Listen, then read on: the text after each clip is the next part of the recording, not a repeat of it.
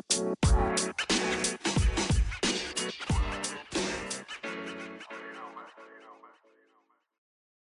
datang lagi di Liar, Liputan Anak Rantau. Seperti biasa, podcast ini akan menemani kalian tiap bulannya di minggu terakhir hari Jumat, jam 7 malam waktu Indonesia Barat, dan bisa kalian dengar di Spotify, Google Podcast, Apple Podcast, dan beberapa platform lainnya.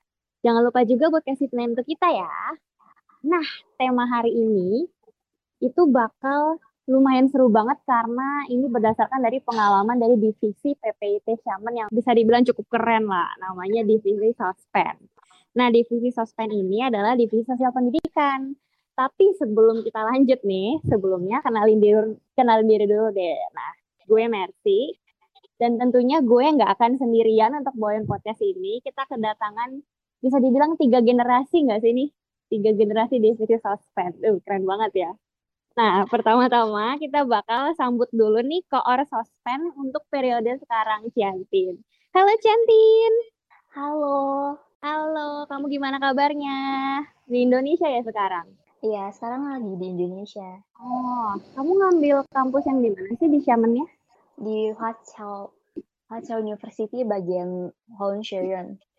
Oh, berarti jurusannya sama kayak Melisa ya? Jurusannya apa sih? Ya Chinese culture and Chinese language and culture dia itu jurusan yang mem, mempelajari tentang bahasa Cina dan kebudayaan Cina. Cocok banget ya berarti kamu jadi sospen. Cocok abis. Tapi berarti gara-gara ini apa kamu di Indo, terus gara-gara pandemi juga kebanyakan divisi kegiatan divisi sospen itu online semua ya? Iya, C. Sekarang semuanya pada cuma bisa ngelakuin kegiatan online. Wow, nanti berarti udah menjelang apa pertengahan tahun gini bakal ada nggak sih kegiatan dari Koor Sospen lainnya atau atau apa aja sih yang Koor Sospen udah lakukan gitu? Coba apa um, aja deh kegiatan yang Koor Sospen udah lakukan bukan Koor doang berarti ya di sisi Sospen udah kan selama tahun terakhir. Uh, sebenarnya kita itu juga ada share materi dari IG Sospen ya, uh, yaitu IG at Learn Chinese at PPT with PPT Shaman dan juga uh, di Sospen kali ini juga mengadakan Mandarin Club dan Winter Class yang mengajarkan ke, uh, bahasa Mandarin dan kebudayaan Tiongkok kepada murid-murid Indonesia. Wow. Nih, semoga nih ya tadi teman-teman podcast langsung nge-follow Instagramnya tadi apa Ciantin? Um, IG Sospen kali ini at Learn Chinese with PPIT Shaman. Iya, teman-teman boleh di-follow ya. Oke deh, teman-teman jangan lupa follow ya. Nah, next kita juga punya angkatan sebelumnya, koor sospen di tahun lalu, yaitu ada Mei. Halo Mei. Halo. Wow, biasanya kamu menjadi partner untuk podcastku, sekarang kamu jadi narasumber. Gimana rasanya jadi narasumber sekarang? ya, seneng sih bisa naik pangkat. naik pangkat. Dari moderator jadi narasumber. Waduh, keren banget. Nah, by the way nih guys, uh, jadi pas angkatannya Mei, pas keluar sospen tahun lalu, kalau nggak salah itu sospen itu ada apa namanya ada dapat penghargaan ya dulu. Iya, dari PPT pusat. Uh, keren banget. Itu zaman lu bukan sih? Iya, zaman gue. Apa sih penghargaannya? Coba ceritain dong dikit. Uh, penghargaannya itu apa, Tin? Yang sekarang lagi ini, sekaligus promosi dong, Tin. Nah, itu Ci, PPT Awards bagian terprogresif bidang akademis. Yes.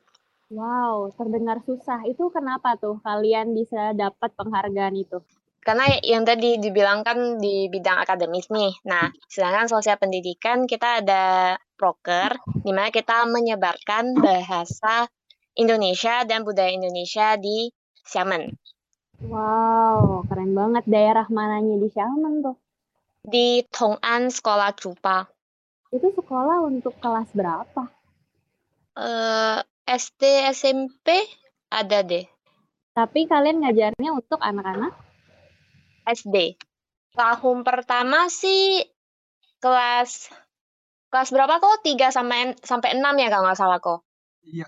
Terus mm -mm. terus habis itu pas uh, periode ke kedua atau tahun kedua itu jadinya cuma kelas 5. Ah, gitu.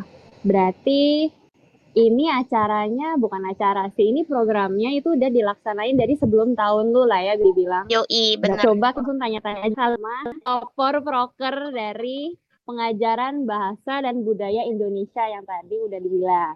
Ayo, ada Koriki. Halo, Ko. Halo. Halo. Koriki sekarang kesibukannya apa nih? Tadi tuh pasti Melisa udah kayak nanya kok langsung kayak ups dia sudah keluar duluan sebelum diperkenalkan. Oke, jadi eh, hmm, kesibukan sekarang ya ngajar sih. Eh, ngajar, Ngajar bahasa ngajar. Mandarin berarti kan. Iya, benar di salah satu kampus. Oh, ngajar di kampus. Keren banget. Berarti ngajar anak-anak kuliahan bahasa Mandarin gitu? Iya, benar sekali. Wah, keren banget sih, parah. Parah. Ah, keren kece banget kok, parah. Itu udah lama ngajar di sana kok. Kampus, di Eh, ngajar di kampus.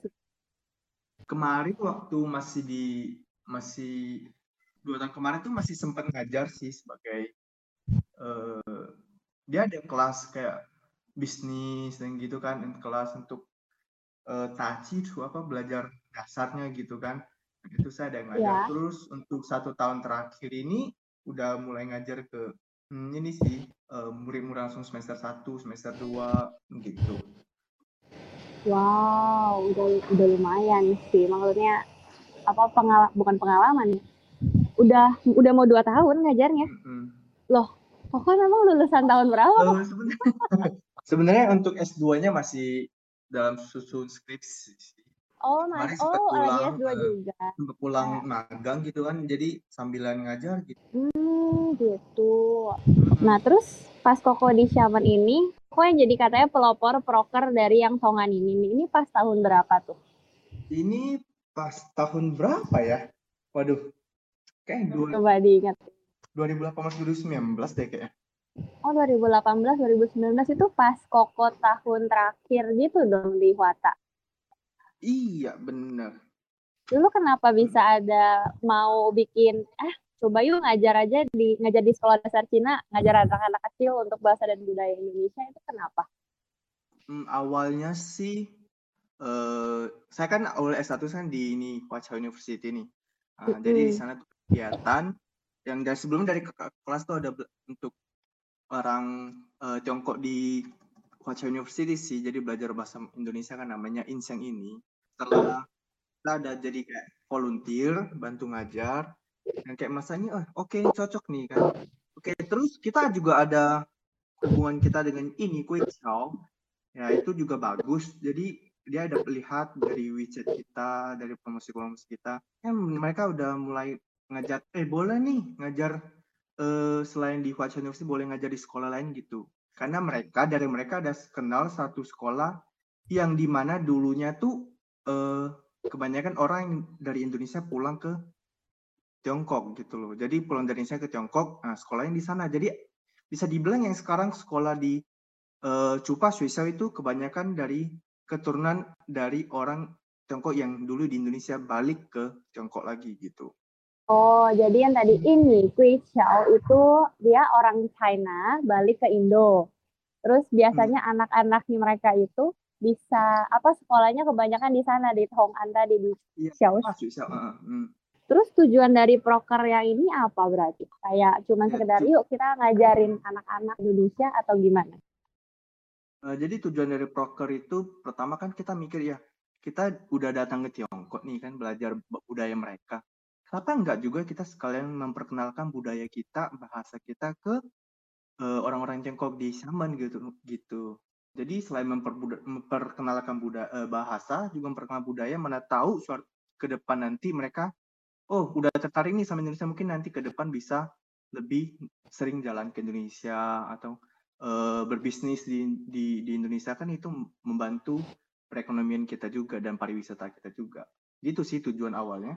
Jadi bukan hanya kita belajar budaya eh, Tiongkok, tapi kita juga belajar dan Mm-mm. memperkenalkan budaya kita juga gitu ke mereka. Jadi saling kenalan lah gitu. Berarti rutin dong ke sananya. Eh, jadi kemarin kita dalam satu semester eh, seminggu sekali kita sering ke sana untuk bantu ngajar. Hong'an kan jauh banget dari sini kok. Iya, Buset. Mm-mm, makanya itu kemarin kita uh, waktu awal-awal itu lumayan capek sih karena capeknya di perjalanan sih sebenarnya. Cuman uh, terbayar sih karena dari kita uh, antusias dari anak-anaknya gitu kan, antusias dari uh, beberapa volunteernya juga. Jadi semuanya terbayarkan sih, apalagi yang terakhir-terakhir udah dapat apa namanya penghargaan kan, itu terbayar banget. Wih, keren banget deh.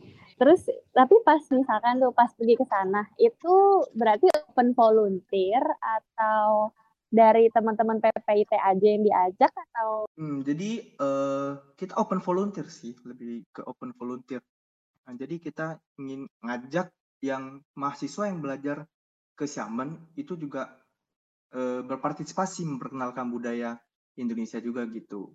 Kan di PPT ini sebagai wadah ini kan wadah tempat berkumpulnya mahasiswa Indonesia di Tiongkok, terutama di Xiamen. Jadi ya sekalian aja kita ajak mereka untuk berpartisipasi. Hmm, dari teman-teman Indonesia ngajar ke anak-anak kecil kelas 3 sampai kelas 6 di Chuba Iya. Tapi yang diajarin itu bahasa Indonesia sama iya, budaya kan budayanya tuh diajarin tuh apanya? Apakah nyanyi, apakah disuruh nari kah atau gimana tuh kok? Hmm, jadi seru banget sih. uh, jadi uh, budayanya selain bahasa ya, bahasa pasti ada lah ya. Terus kita budayanya ada memperkenalkan budaya dari uh, game, game kita lah, permainan-mainan kita ya. Terus uh, dari tarian juga ada. Jadi kemarin tuh uh, ada uh, mahasiswa Bali ya, uh, dari mahasiswa Bali Nah, kebetulan dia bisa tarian Bali kan. Jadi pas banget nih kita sekalian memperkenalkan bahasa eh apa tarian Bali ke mereka gitu. Dan setiap kali kita memperkenalkan Bali, pasti orang Tiongkok tuh lebih wow Bali gitu kan. Nah, jadi mereka lebih ke antusias sih. Kayaknya Indonesia cuma Bali doang yang paling terkenal ya. Kita next ke depannya boleh nih. Boleh nih Ciantin dicatat mungkin atau jadi apa masukan untuk generasi berikutnya bisa apa budaya lain gitu diperkenalkan. Cuman susah juga ya karena kan lagi pandemi sekarang. Hmm. Terus ya yang mengetahui benar-benar budaya di Indonesia pun juga anak muda kayaknya lagi nggak gitu banyak ya, iya nggak sih kok? Iya benar makanya mungkin uh, belum kesadaran untuk memperkenalkan budaya ini. Se apa terutama anak muda ini belum terlalu hmm, apa namanya aware dengan budaya kita gitu, pentingnya budaya kita gitu. Jadi mungkin dari uh, adanya broker ini, program ini, ya sekali membangun itu rasa awarenya anak muda sekarang untuk terhadap budaya kita sendiri gitu. Hmm, iya, iya, iya. Terus saya dari ceritanya Koko itu kan udah perjalanan jauh ke sana, terus rutin juga kan diadain bisa seminggu sekali ada nggak sih bantuan dari pihak luar gitu selain dari PPT Caman sendiri? Hmm, ada itu yang paling banyak membantu kita tuh uh, ini kue Chow Nah, ini kue Chow banyak membantu terus. Terus karena uh, kita ada dapat respon baik nih ya dari ini kue Chow. Ya, terus ada uh, kue ya. Nah, itu nah nanti dia ada memberikan bantuan uh, berupa kita bisa reimburse gitu loh misalnya kan biaya transportasi ke sana kita bisa reimburse. Dan terus kita juga sempat ketemu dengan uh, Pak Jauhari ya. Oh. Kita juga pernah di apa kasih tahu nih kita ada program program budaya Indonesia di satu sekolah uh, Tiongkok gitu. Dan responnya Pak Jauhari bagus sih. Jadi dia juga mendukung. Terus kita juga bisa uh, minta bantuan gitu loh dari uh, kedubes kita gitu. Kalian tahu kan ya? Xiao Lian itu gimana ya Mei ya jelasinnya? Masih ingat nggak Mei? Coba Mei. Uh, itu perkumpulan perkumpulan orang-orang yang orang-orang China, tapi kan dulunya tinggalnya di negara lain kan kok. Iya. Jadi itu kayak perkumpulan gitu. Jadi dia perkumpulan perkumpulan orang-orang kue Chiao, perkumpulan iya. orang-orang kue Chiao. Oh. Wah, Jadi mereka juga ya dari satu badan gitu loh. Satu badan oh, yang gitu. ada hubungannya dengan pemerintah uh, Tiongkok juga gitu. Jadi ada satu badan. Kan banyak nih yang dulu balik dari tinggal di luar negeri terus balik ke Tiongkok lagi. Nah, itu kan butuh satu hmm. badan untuk mengurus mereka. Nah, badan ini yang bantu mengurus mereka. Hmm, iya iya iya benar benar benar. Ini keren banget sih berarti udah dapat sih apresiasi pernah kepikiran nggak sih bakal dapat penghargaan gini? Nggak nggak kepikiran sama sekali sih. Nggak pernah ya, cuma bener-bener pure gue mau nyebarin bahasa dan budaya Iya, aja gitu. eh, eh, bener. Cuma nggak nggak pernah kepikiran sama sekali bisa dapat penghargaan. Oke, kalau Mei sendiri pernah kepikiran nggak Mei? Kan lu koornya Mer. Nih, jadi Nggak Mer kan? pernah. Nggak pernah. Nggak pernah. Gimana rasanya? Gimana rasanya pas kerja keras divisi sospen terbayar dengan penghargaan Senang itu? banget sih. Ya, senang banget sih. Satu satu divisi anggotanya semua senang, satu PPT semuanya senang. Bangga. Wis. Wis. Mana nih Koriki? Pas ternyata ide yang diajuin itu ternyata bisa lo dapat penghargaan. Ada punya perasaan apa nggak sih? Rasanya pasti bahagia dan juga bangga sih. Bangga juga eh, terhadap teman-teman yang ada di tim sospen sama eh, volunteer-volunteer kita gitu. Kerja keras selama Hmm. ini yang jauh-jauh naik berapa jam eh, transportasinya itu akhirnya terbayar gitu. Wah, gila. Pasti yang kalau udah pernah jadi volunteer itu pengalaman nggak bisa terlupain sih. Iya, Ngajarin salah orang Cina. Hmm, Keren banget. Tapi ini, dari tadi kan kita sebutin penghargaan, penghargaan, penghargaannya. Penghargaan ini datangnya dari Pat ya tadi, katanya. Ya nggak sih? Ya kan nih? Yes. Tiap tahun kan PPT pusat itu selalu ada ya awards gitu lah. Ada ngadain PPT awards. Nah, itu ada kategorinya masing-masing. Nah, karena ada kategori akademis, jadinya dari PPT Syama mengajuin prokernya kita ini gitu. Terus ya udah kayak saling berkompetisi, eh, saling berkompetisi dengan PPT dari cabang yang lain. Ya seneng sih akhirnya dapet. Uh, tapi program, eh ini, ini proker berjalan nggak sih di apa di tahun ini kan pandemi kan? Ya, Ce. Sayang sekali proker Halo. kemarin tidak berjalan pada tahun ini. Oh nggak nggak berjalan ya? Iya. Soalnya pandemi sih bener. nggak ada cara lain ya. Ya, kami tidak bisa Eh, balik ke eh. sana untuk menjalankan proker ini. Hmm, ya ya ya.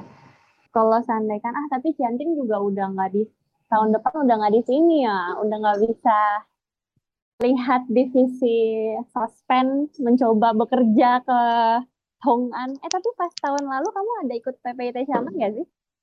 Ada, Ce. Barengan Cimei kemarin. Nah, gimana rasanya kamu pas jadi volunteer di situ? Yang paling berkesan gitu buat kamu? Ada gak? Ya, ada sih. Anak-anaknya itu bisa dibilang cukup em, cukup cincie, cukup friendly juga. Sometimes mereka juga bisa dikatakan cukup friendly karena yang paling saya ingat sih ada- mereka ada nanya, mereka bilangnya cincie cie, kamu sukanya makan pedas enggak?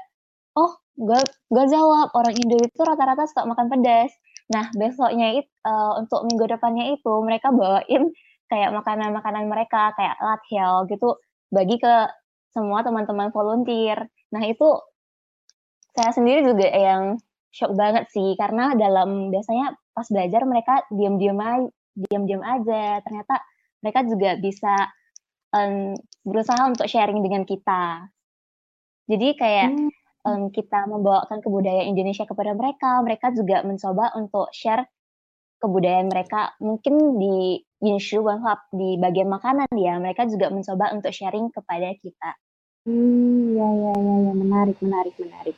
Itu pas kali ngajar tuh rame nggak sih? kelas gitu ramai ya Cime kemarin sekitar kemarin sekitar 40-an anak Dari dari kelas 3 sampai kelas 6 sat- di satu ruangan. oh enggak kemarin yang untuk tahun kemarin itu cuman kelas 5 Tetap lumayan banyak kelas 5 40 orang. Untung masih bisa itu ya mau mendengarkan kan biasa anak kecil bawel gak sih? ya sometimes mereka juga bawel gitu sih Ci karena mungkin anak kecil kan lebih how to lebih aktif gitu Hmm, iya iya iya betul betul. Nah, kamu dari core core sospen tahun ini ada pesan dan kesan atau harapan ke depannya nggak nih terhadap proker Hong'an yang keren banget ini? Ya, ngarepnya sih semoga em, kemarin kan sebenarnya Sospen juga ada ngajuin ngajar via online, tapi karena sekolah Cupa sendiri mengharapkan tim Sospen bisa ngadain proker ini secara offline. Nah, jadi karena tim Sospen tahun ini semua anggotanya di Indonesia dan kurangnya volunteer di Xiamen untuk membantu melaksanakan kegiatan ini. Jadi tahun ini kan nggak bisa direalisasi. Ya harapannya sih semoga uh, semester depan kita semua bisa balik nah, dan proker ini bisa dijalankan. Hmm, ya ya ya. Nah, kalau dari Koriki sebagai pencetus proker Tongan, ada nggak harapan tentang proker ini kok untuk para pengurus PTIT berikutnya, terutama divisi sospen? Iya, ada dong ya. Jadi berharap ya eh, program ini bisa terus lancar, bisa terus berjalan, terus ada inovasi-inovasi yang terbaru lagi yang hingga uh, bisa buat anak-anak murid di sana lebih tertarik lagi ke budaya Indonesia. Amin, amin. Nah, berarti teman-teman, terutama untuk misalkan mau ikut untuk jadi anggota divisi Sospen, bakal dinanti banget tahun depan. Kita berharap dulu semoga teman-teman di Indonesia bisa segera balik juga ke China. Terus bisa juga kita sama-sama mewujudkan divisi sospen apalagi proker yang ngajar di Tongan secara langsung. Pasti ada beberapa dari teman-teman yang nggak sabar kan pengen coba bertukar budaya secara langsung gitu ke orang Cina asli. Walaupun kita mulai dulu dari anak-anak kecil.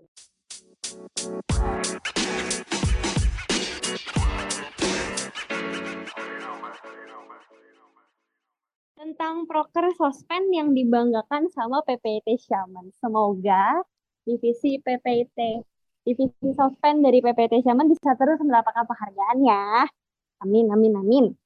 Nah, buat kalian yang mau tahu lebih lanjut ngapain aja sih divisi sospen PPT Shaman, boleh langsung cek IG-nya di at learn, at learn Chinese with PPT Shaman.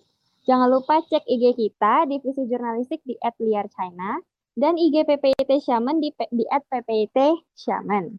Oh yang nggak lupa juga makasih untuk Koriki, Cianti, dan juga Mei yang udah luangin waktunya hari ini. Thank you banget untuk sharing-sharingnya ya. Semoga kita bisa segera bertemu, entah di sana ataupun di Indonesia. Wih, udah dulu dong sama teman-teman podcast kita. Dadanya gimana ya?